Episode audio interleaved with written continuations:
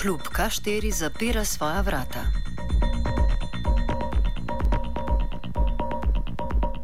Za zmeri, morda v obliki, kot ga poznamo.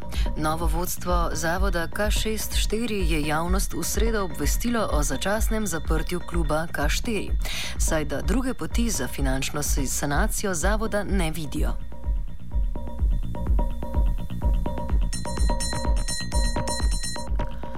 Obrnimo se v nedavno dogajanje okrog zavoda K64, v okviru katerega sicer delujejo še galerija Kapelica, Kiberpipa in kavarna Metropol. Lansko poletje je svet zavoda izdal razpis za novega direktorja zavoda, saj je dotedanjemu direktorju Milošu Krancu mandat potekel. Na razpis se je prijavilo pet kandidatov, med njimi ni bilo Kranca, za edinega ustreznega pa se je prepoznalo Aleša Logarja nekdanjega funkcionarja pri študentski organizaciji Univerze v Ljubljani. Na svetu zavoda ni dobil dovolj glasov. Razpis se je ponovil, nam pa sta se odzvala dva kandidata, med njima ponovno Aleš Logar. Tokrat je bil potrjen in sredi februarja tudi nastopil funkcijo direktorja zavoda K64. Omenimo, da je bil imenovan zatem, ko se je sestava zavoda spremenila. Z volitvami in novim vodstvom na študentski organizaciji je v zavod ta imenovala nova člana, ki v zavodu predstavljata interes ustanovitelja, torej študentske organizacije Univerze v Ljubljani. Z današnjim dnem je svet zavoda sicer še občlana, ki zastopa zaposlene v zavodu, saj da ne želim motiti zagona novega vodstva. Medtem ko je z mesta predsednika sveta zavoda že pred časom iz osebnih razlogov odstopil.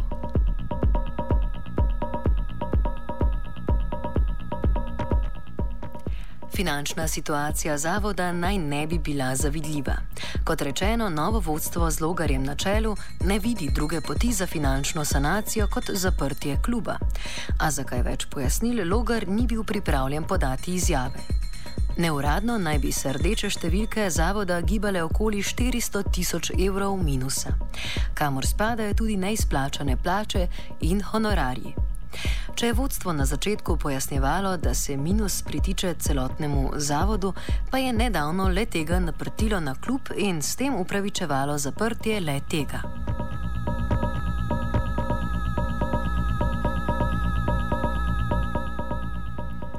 Ob tem povejmo, da je novo vodstvo malo da ne skozi noč odpustilo računovodjo zavoda.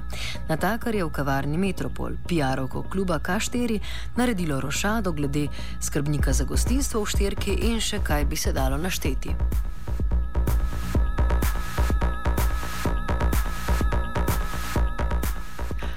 Kolateralna škoda se riše tisto, kar je najbolj legendarnega znotraj zavoda - klub K4. Potek dogodkov nam opiše Dino Lalič, programski vodja K4, ki je prav tako ob to funkcijo. Približno po 15. februarju, ko je na funkcijo nastopil nov direktor Rajš Logar, eh, smo se spoznali z njim in tudi v bistvu okvirno pogovorili o nadaljnih programskih smernicah. Nam je bilo obrazloženo, da je seveda vsemu interesu nadaljevati program um, kluba K4, kot je bil do zdaj, ker je tudi vizija bila ustrezna, trend v vseh pogledih pa je od septembra dalje pravzaprav kazal, da gre klubu veliko bolje kot v prejšnjih letih, kar se tiče obiska in uh, slovesa doma ter uh, tudi tu tujini. No. no, potem po dveh tednih dela in načrtovanja dogodkov, vključno z junijem, uh, je mislim, da 1. marca nastopil na funkcijo nov programski vodja, ki se je sestavil uh, z nekaterimi, ki smo ustvarjali program in tudi uh, bili odgovorni za izvedbeni del tega programa zastavljenega. In potem so se začeli uh, ti neobrazloženi odpuščanja. odpuščanja Um, tako da tega normalnega delovanja kluba, kot smo se ga zastavili, te strukture nismo več mogli upravljati. Obrazložila nekega točnega nismo dobili, poleg razen tega, pač, da denarja v zavodu ni in da je zavod v slabem finančnem stanju. Kljub temu pa je naj bi bilo dogovorjeno, seveda, da se program ohrani. Na kar se je po dnevu dveh dikcija spremenila in se je potem na vodstvo odločilo kljub zapret. Um, potem pa je tudi objavilo v medijih drugačno izjavo, ki je trdilo, da seveda kljub K4 edini izmed štirih projektov zavoda K6 skozi 4 posluje negativno. Uh, kljub temu, da je recimo za delo kakšne dva dni nazaj bilo rečeno, pač, da je celoten zavod v rdečih številkah. No.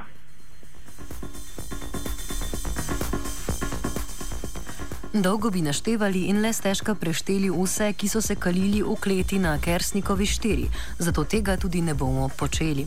Povejmo, da je imel prostor velik pomen ne le za alternativno glasbo, pa tudi videoprodukcijo, temveč da je imel tudi pomembno vlogo odpiranja javnega prostora diskriminiranim skupinam, kot naprimer LGBT skupnosti.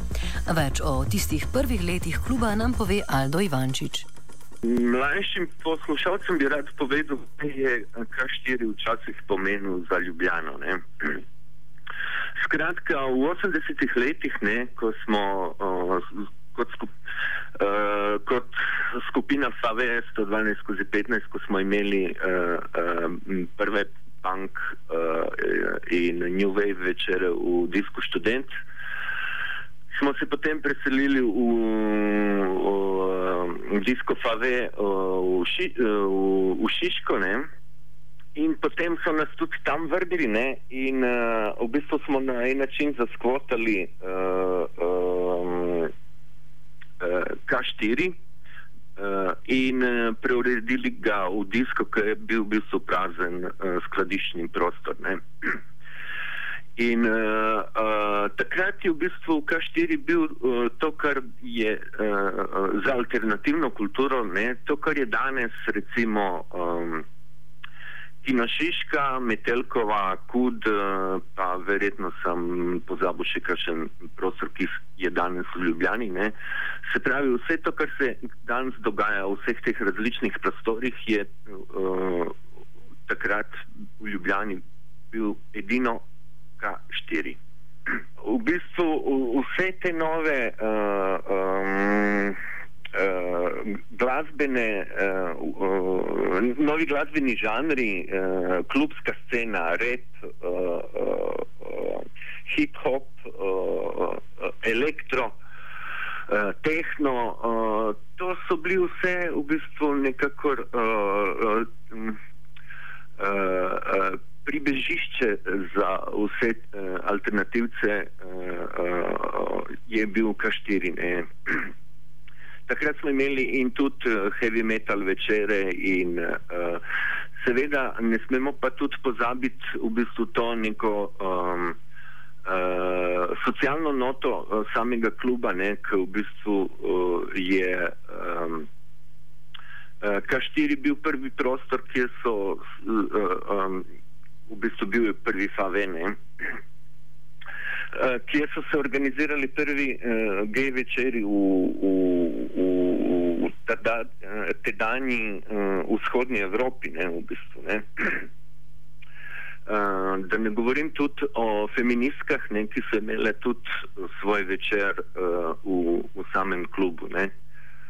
Uh, torej, uh, v bistvu je ta socialna komponenta bila uh, vedno, uh, se mi zdi, pomembna uh, za uh, K4 ne? in seveda za Ljubljano in Slovenijo. Ne, uh, in se upam reči, da je Slovenija takrat um, ne samo zaradi K4, ne, ampak tudi zaradi K4 ne, uh, bila v bistvu neka. Um,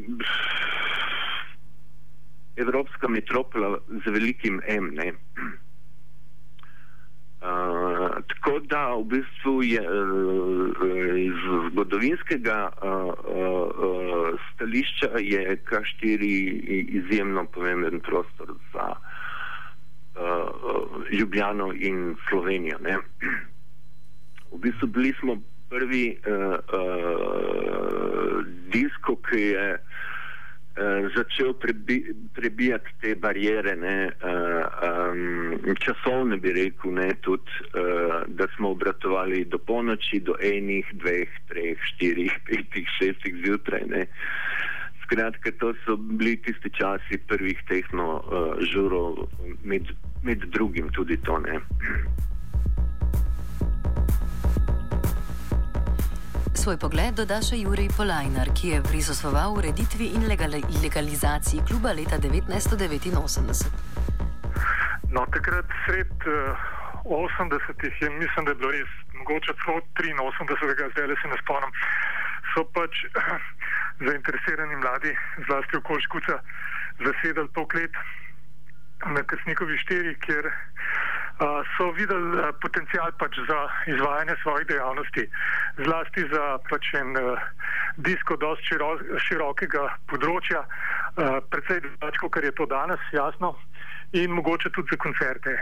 Seveda, jasno, to ni bilo legalizirano, ni bilo niti upremljeno tehnično, niti pač sanitarno in tako naprej v takem smislu, kot so to zahtevala pravila in potem je pač prišla ideja, da bi uh, to poskušali urediti. Uh, Naredil se je en uh, načrt, kako naj bi to izgledali in se je začel pač to izvajati. Jaz sem prišel zraven potem, ko je učil uh, prvi uh, uh, vodja tega, uh, vodja interesnih dejavnosti mladih, centra interesnih dejavnosti mladih, uh, Zoran Pistotnik, ki je šel na ministrstvo in jaz sem pač prevzel njegovo uh, delo tam. In uh, meni je pač uspel potem to stvar uh, v okviru študentske organizacije spraviti do realizacije. Ne? Tam 25. maja 1989 smo kljub odprli. Uh, kakšen je bil namen kluba? Namen je bil pač en prostor, uh, s, recimo primerno upremljen prostor za mlade, da bi se lahko pač družili in uh, recimo zabavali ob glasbi.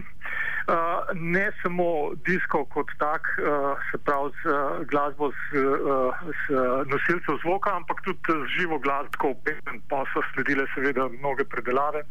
Ampak bilo je pa v njem neki legendarni koncert, lahko rečem. Ne. Kako razume zaprti urad kluba Aldo Ivančič? Uh, meni se to zdi uh, stališča šova, ne? Eh, totalna, totalna perverzija. Ne. Dejstvo je, da v šovu ne, uh, uh, uh, dela uh, uh, kravatarska, ne bom rekel mafija, ne, ampak uh, kako bi rekel, zdi se mi perverzno, ne, da uh, direktor šova dobi večjo odpravnino, kot pa uh, uh, je recimo trenutno dolžen klub. klub Torej, uh, uh, um, absolutno nočemo opravičevati izgubo uh, uh, samega kluba ne? in to se mi zdi, kako bi rekel, uh, uh, malomarno iz strani finančnih inštitucij šova. Ne? In pomeni, da so v bistvu tudi oni odgovorni ne, za, za to uh, stanje, ne. ob enem pa se čudi tudi uh, uh, študentom, kako lahko sploh dovolijo, ne, da ima direktor šova večjo plačo kot pa uh, uh, predsednik vlade. Mislim, pa da dobi uh, 80 tisoč ali pa ne vem koliko evrov odpravnine, ne, to se mi zdi dejansko uh, perverzno. Ne. Kako je bil zastavljen prečasno prekinjen program kluba v sezoni 2012-2013? Nadaljuje Dino Lalič. Programski svet, eh, kot je bil uh, sestavljen v letošnji sezoni 2012-2013, se je prizadeval spodbujati domačo sceno, tako produkcijsko, organizacijsko. Um, trudili smo se vse žanre predstavljati primerno in kvalitetno. Eh, seveda ne samo glasbe, morate vedeti, da kljub K4 v svojem delovanju vključuje nepregledno število dizajnerjev um, in tudi ostalega klubskega delovanja.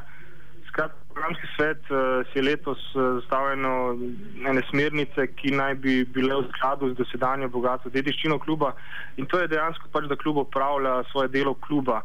Se pravi, da je center, kjer se v bistvu telijo nove ideje, kjer se spoznavajo ljudje s svežimi idejami um, ki jim je kvaliteta uh, prioriteta, uh, ne pa nek finančni ali ekonomski interes. Um, in v tem pogledu, kar se tiče elektronske glasbe in povezanih pojavov oziroma sorodnih um, zvrsti umetnosti, um, klub K4 nima primere, ne v Sloveniji, ne tudi v neki širši okolici. Klub K4 je imel več takšnih in drugačnih problemov, seveda tudi s pritiski strani šova v Ljubljani. Vmes je bil v klubu vzet tudi Šank, do katerega se je leta 2001 le ponovno dokopal in s tem ponovno kreiral vsebine na bolj finančno avtonomen način.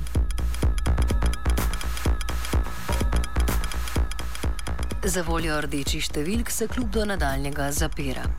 A da ima novo vodstvo iskreno željo po sanaciji zavoda in nadaljem delu kluba po programskih zasnovah, ki izhaja iz njenega temeljnega namena, bo to moralo še dokazati.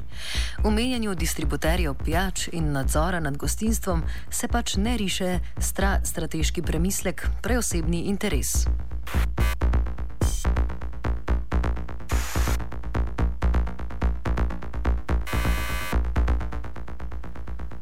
Razlaga o trenutnem dogajanju v zavodu K64 in klubu K4 strani ustanovitelja zavoda študentske organizacije Univerze v Ljubljani nam je obljubljena v ponedeljek. O tej vas obvestimo v ponedeljkovem OFU. Srečno! Upam, da je to tudi en moj droben prispevek uh, uh, temu, da uh, se zbudimo in ne smemo dovoliti, uh, da, da se klub uh, zaprene.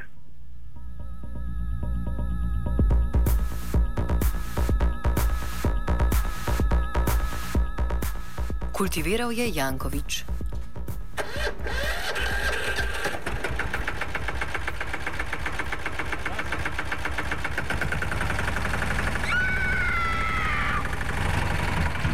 Je, kaj pa je to?